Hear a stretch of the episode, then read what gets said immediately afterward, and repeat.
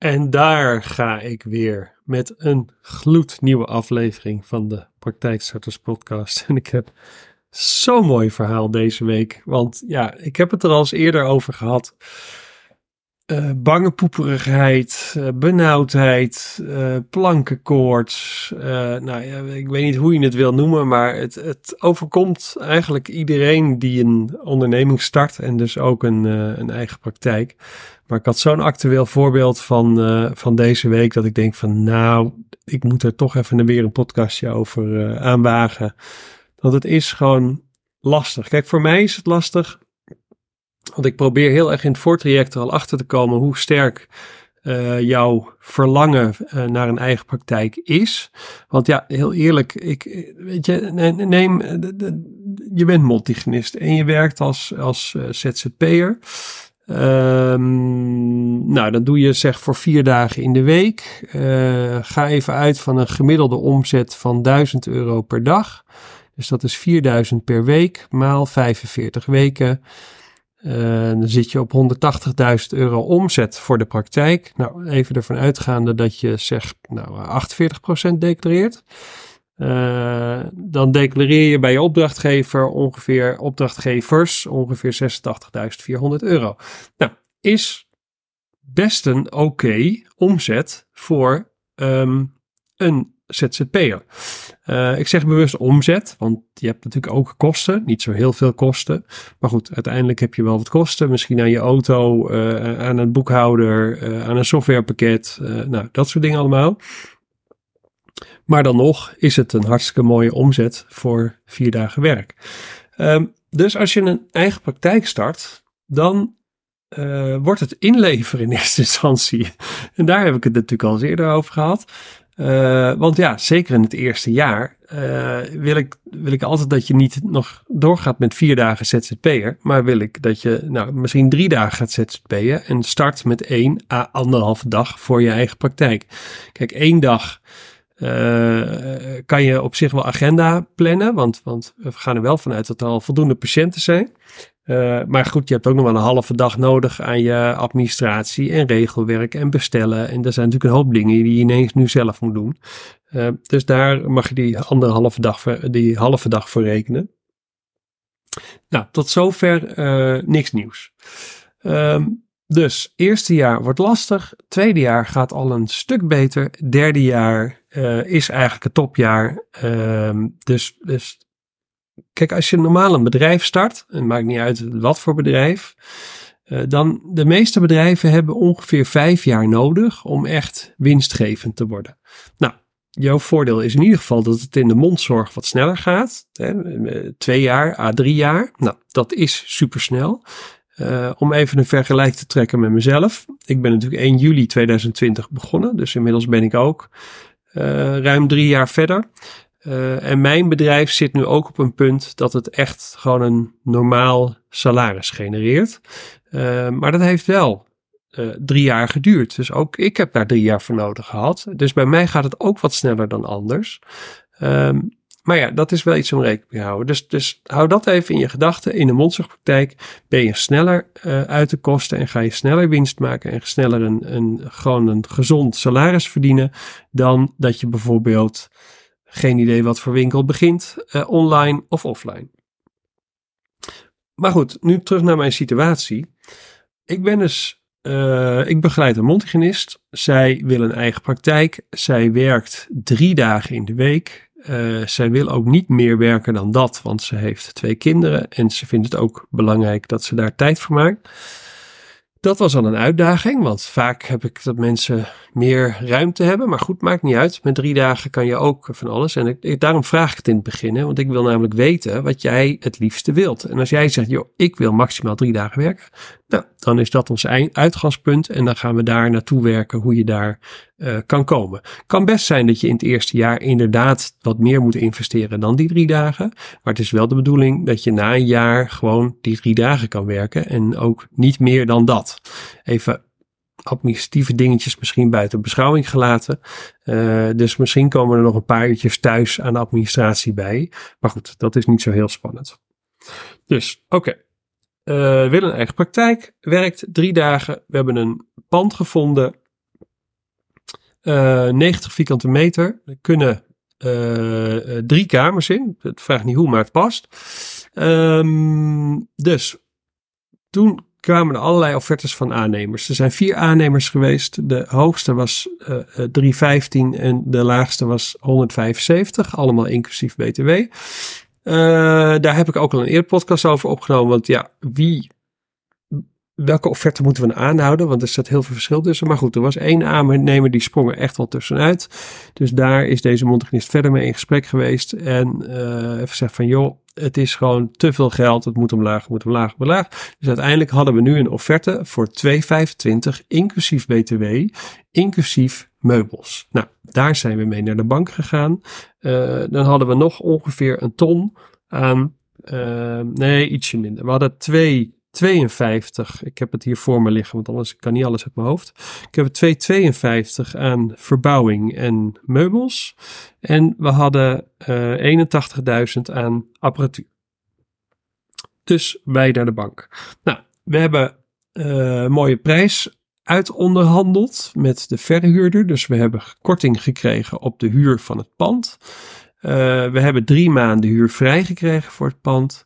Het is de bedoeling dat ze de sleutel 1 januari krijgt, maar uh, als de financiering al eerder rond is, kan ze de sleutel ook al eerder ophalen en dus haar verbouwing al gaan starten.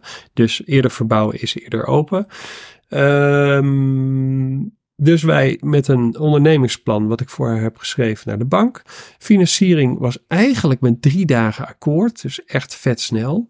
En nu hadden we vrijdag uiteindelijk de officiële offerte van de bank ontvangen. Dus dat zijn de stukken die dan getekend moeten worden. Nou, uh, ik alles uitgelegd van joh, wat, wat teken je precies en wat, wat heeft dat voor impact? En hè, de bank was een tegemoet gekomen, want uiteindelijk krijgt ze een, een lange aflossingsvrije periode.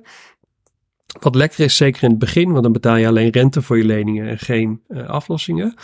Uh, dus eigenlijk moest afgelopen maandag moest het, uh, moest het hele zootje naar de bank ondertekend. dus wat gebeurt er? Ik moet even een slokje water, twee seconden. Dus wat gebeurt er? Zij belt me maandag op. Ja, Ik vind het toch allemaal wel veel geld per maand. En ik twijfel. En uh, ik zeg veel geld per maand. Ik zeg, dus het, het, was wel, weet je, en ik snap het, hè, want het is ook veel geld per maand. Maar Weet je, we hebben alles van tevoren doorgerekend. Ik heb het hele ondernemingsplan hebben we met elkaar ook doorgenomen. Ik heb alle prognoses doorgenomen. Ik heb precies laten zien van, joh, dit houdt het in. Dit is de patiëntenopbouw. Uh, dit is de prognose wat betreft je omzet. Dit uh, blijf je nog even doen als ZZP'er en daarmee genereer je die omzet. Nou, en dit zijn je praktijkkosten. En we waren tot de ontdekking gekomen, niet de ontdekking, we hebben doorgerekend uh, dat alles betaalbaar en haalbaar is binnen de drie dagen die zij wil werken. En dat was eigenlijk het belangrijkste uitgangspunt. Maar goed, dan nog heb je natuurlijk best wel een forse maandlast. En dat, dat, dat, daar had ze eens even van het weekend over nagedacht. En, uh, ja, en ze was gaan twijfelen. En dus ik zei tegen haar, ik zeg, ja, maar dit is, dit is niet echt het juiste punt om nu nog te gaan twijfelen. Ik zeg, want je hebt je huurovereenkomst getekend. Uh, weliswaar hebben we een voorbehoud op, uh, op, op het verkrijgen van een financiering. Maar die financiering is akkoord. Dus je kan ook niet zeggen van joh, ik doe het niet. Want, uh, um, want mijn financiering is niet rond. Want die is wel degelijk rond. Um, maar ik zeg, je was zo overtuigd van het, van het pand. En je stond er zo achter. Ik zeg, waar komt deze twijfel vandaan? Ze zegt, nou, ik, ik geloof nog steeds heilig dat dat pand enorm gaat slagen. Uh, en dat ik daar echt iets van kan maken. En ik zie het mezelf ook echt wel doen. Maar ik, ik zie gewoon die maandlasten en dat benauwt me. Ze zegt, ja, ik heb best wel een vrij leven en een lekker leven. Ik vind het ook belangrijk om bij mijn gezin te zijn. Ik vind het ook leuk om op reis te gaan.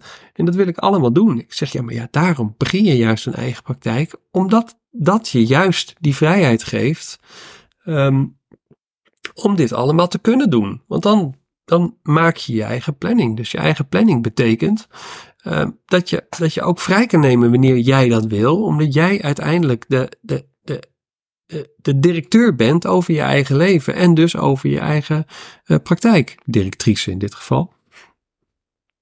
Dus ik zeg, ik heb het idee dat het je met name benauwt, omdat je gewoon zoveel maandlasten kosten hebt straks.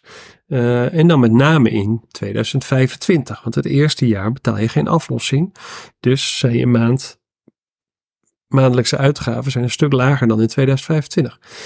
Ik zeg maar, wat je wel kan doen. Uh, ik, je kan ervoor zorgen dat je nog beperkter gaat zijn met je verbouwing. En, en dat is altijd een beetje een dingetje. Kijk, in deze sector um, nou, moet, je, moet je hard werken. Het is fysiek en mentaal zwaar werk, maar op zich is de beloning is ook, die is er naar, zeg maar. Dus de, de beloning die je krijgt voor je werk in financiële zin uh, is heel fijn. Dus, dus iedereen die dit werk doet en die deze sector werkt, die is ook gewend aan een fijne beloning en heeft daar een bepaalde levensstijl naar. Dus je, de, de meeste die ik spreek hebben gewoon een, een, een, een eigen auto en een mooie woning en die gaan lekker op reis. Nou, dat. Ehm, dus als je dan je praktijk wilt gaan starten, dan wil je ook eigenlijk dat je praktijk een soort afspiegeling wordt van hoe jij je leven hebt ingericht. Ehm, en daarom zeg ik gelijk aan het begin, ja, je kan wel alles willen verbouwen tot, tot, in, tot in alle details en luxe materialen kiezen en, en, en gouden kleuren en geen idee. Maar hoe uitgebreider je het maakt, hoe duurder het natuurlijk wordt. Nou, en ik heb heel vaak in het begin heb ik zo'n gesprek als dit. Waarbij ik ook aangeef van ja, tuurlijk, je kan je kan het zo gek maken als je zelf wil. Maar dan zie je dus offertes verschijnen. Waarbij de een 315.000 euro vraagt en de ander 175.000 euro vraagt. En we eigenlijk niet zo goed meer weten welke we nou aan moeten houden. Um, dus ik. Ja, dit, is, dit was een beetje zo'n punt waarop ik zei van nou, dan moet je je hele eigenlijk je mindset veranderen. Want dan moet je bij jezelf gaan denken, joh, ik vind het belangrijker dat ik mijn praktijk start, dan de manier waarop ik dat doe. En dat wil niet zeggen dat ik je laat starten met een of andere bouwval, maar dat wil wel zeggen dat we het ook anders kunnen aanpakken. En anders betekent in dit geval dat je echt gaat kijken van wat is er nou minimaal nodig om deze praktijk te starten. En laat ik daar nou eens mee beginnen. En dat is dat is het enige wat je doet. Dus ik heb ook een andere praktijk, die hebben hetzelfde gedaan. Het is een heel langwerpig, diep pand. Uh, maar de verbouwings, en, en best wel wat vierkante meter, 130 vierkante meter. Maar de verbouwingskosten die liepen zo uit klauwen eigenlijk. Dat ik zei van joh, waarom realiseer je niet alleen het voorste gedeelte. Dat je dus een wachtkamer hebt, een uh, balie, een toilet, een behandelkamer en een sterilisatieruimte. Hè, dat is eigenlijk het enige wat je nodig hebt. En dan daarachter laat je het gewoon leeg. Oh, niks. Ja, er ligt alleen een vloer, omdat je, als je over drie jaar de vloer moet bijbestellen en hij is er niet meer, dan, dan baal je. Dus de vloer is dan wel gelegd. Maar dat, dat bespaarde zeker een derde op de verbouwingskosten. Um, en dat is zeker, in het begin is dat vet lekker. Dus, maar het duurt soms even voordat het bericht landt. Dus ik zei nu ook tegen haar, ik zeg ja, wat je dan kan doen, is gewoon je aannemer bellen en zeggen van joh, dit is het verhaal. Ik heb je offerte ontvangen, het is een prima offerte, maar ik kan het niet betalen. En je roept gewoon, ik kan het niet betalen, want dat is het heel duidelijk voor iedereen. En je kan het officieel wel betalen, want dat hebben we namelijk doorgerekend, maar je wil het eigenlijk niet betalen. Dus wat je zegt, hoe kunnen we nou die verbouwing zo inrichten dat het minimale aanwezig is, dat ik wel gewoon voldoe aan de wettelijke eisen en dat het voor de patiënt vooral aflijkt. Dus de patiënt komt binnen en denkt, hey, deze praktijk is klaar. Dat er misschien achter de wand in de behandelkamer helemaal niks meer is en het is misschien zelfs een soort bouwval of grot, dat maakt niet uit. Voor de patiënt lijkt het af. Nou, en met dat verhaal is ze nu naar de aannemer gegaan van joh, uh, dit is wat het is. Maar in de offerte zaten ook nog eens voor 40.000 euro aan, aan meubels. 40, alles is inclusief BTW. Hè? Dus ik zeg tegen haar, ik zeg joh, ik heb praktijken waar echt hele gave meubels staan van, uh, van Ikea of, of soortgelijk. Uh, wat echt heel veel geld scheelt, dan heb je alleen even iemand nodig die je helpt met, uh, met in elkaar zetten. Maar dat zou je eventueel ook gewoon met je vrienden en familie uh, kunnen doen. Dus zij is nu ook weer naar de aannemer gegaan. Nou, wat gebeurde er dus nu? De aannemersofferte, die ging van 2,25. daar waren we namelijk op geëindigd naar 188. Ehm, de meubels hebben we eruit gehaald. Ja, ze gaan dan wel nog de balie realiseren, want ja, dat is vaak wel een maatwerkding. Maar de verdere meubels hebben we eruit gehaald en heb ik voor 10.000 euro nog meegenomen aan, um, aan meubels van een, keukenboer of een Ikea of nou iets, weet je. Want voor 10.000 euro kan je echt wel een, meubel voor in je behandelkamer realiseren uh, en uh, de, een keukenblok voor je, voor je stereoruimte. Um, nou, en dat, en dus dat heb ik nu vanmorgen, want ik denk, nou, daarom ga ik er ook maar gelijk een podcast over maken. Heb ik dus vanmorgen allemaal doorverwerkt in de berekeningen.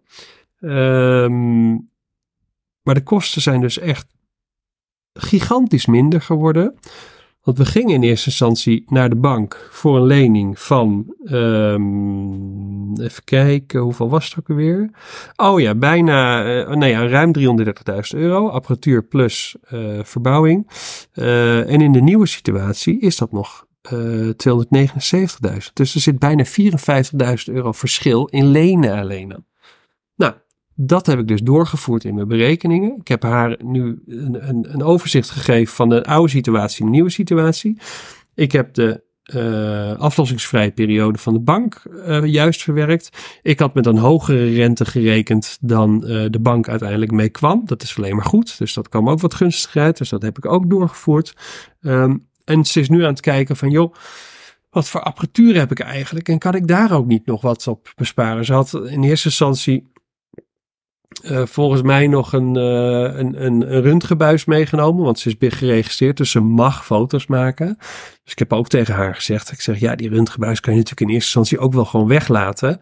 Uh, en het doen met de foto's die je, die je krijgt van de, van de praktijken waar je patiënten toch al naar de tandarts gaan.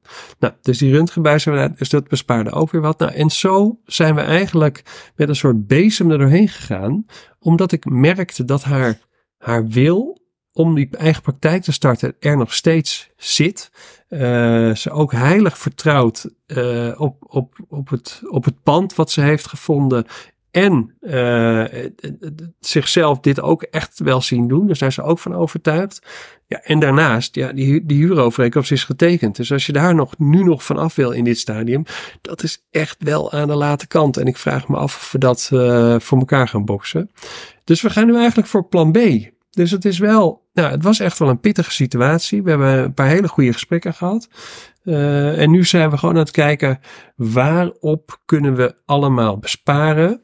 Uh, zonder dat het impact heeft op um, de beleving van de patiënt van de praktijk, zeg maar. Nou, en dat is, uh, dat is hoe we het nu inrichten. Nou, en dat vond ik eigenlijk zo'n gaaf verhaal. Ik denk, nou, dat, daar ga ik vandaag gewoon mee de podcast aan wijden. Want dit, dit komt iedereen voor. Altijd als je, als je gaat ondernemen, dan heb je twijfels op je weg. Of je, je, je denkt van, oh, doe ik dat wel goed? En dan komt er weer iemand die zegt tegen jij, zou je dat nou wel doen? En dan weet je het al helemaal niet meer zeker weer.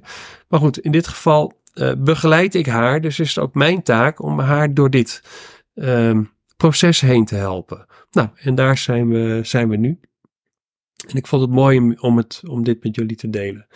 Um, nou ja, als je zelf plannen hebt of ideeën hebt of dromen hebt en je wilt toetsen hoe haalbaar dat is, ga dan gewoon eens naar mijn website www.secondent.nl. Daar zit een knop die heet sparringssessie. Druk op die knop, boek even uh, lekker drie kwartier sparren met me en dan gaan we het gewoon eens even hebben over je plannen. En dan vertel ik je binnen, binnen die tijd of het haalbaar is. En je mag me alles vragen wat je wil, nou dat. Um, nou ja, en wie weet uh, ben jij ook wel een keer uh, het gespreksonderwerp van mijn podcast dan. In positieve zin, want ik ga altijd voor het positieve. Um, nou, en dat was het voor vandaag. Oh, uh, mochten jullie aankomende vrijdag naar het NVM najaarscongres gaan, 10 november, daar sta ik met een stand op het podium. Ik heb stand nummer 1, dus ik vind het leuk om je dan even te zien. Dus kom gerust even een handje geven en even kletsen. Nou, misschien tot dan en tot de volgende podcast.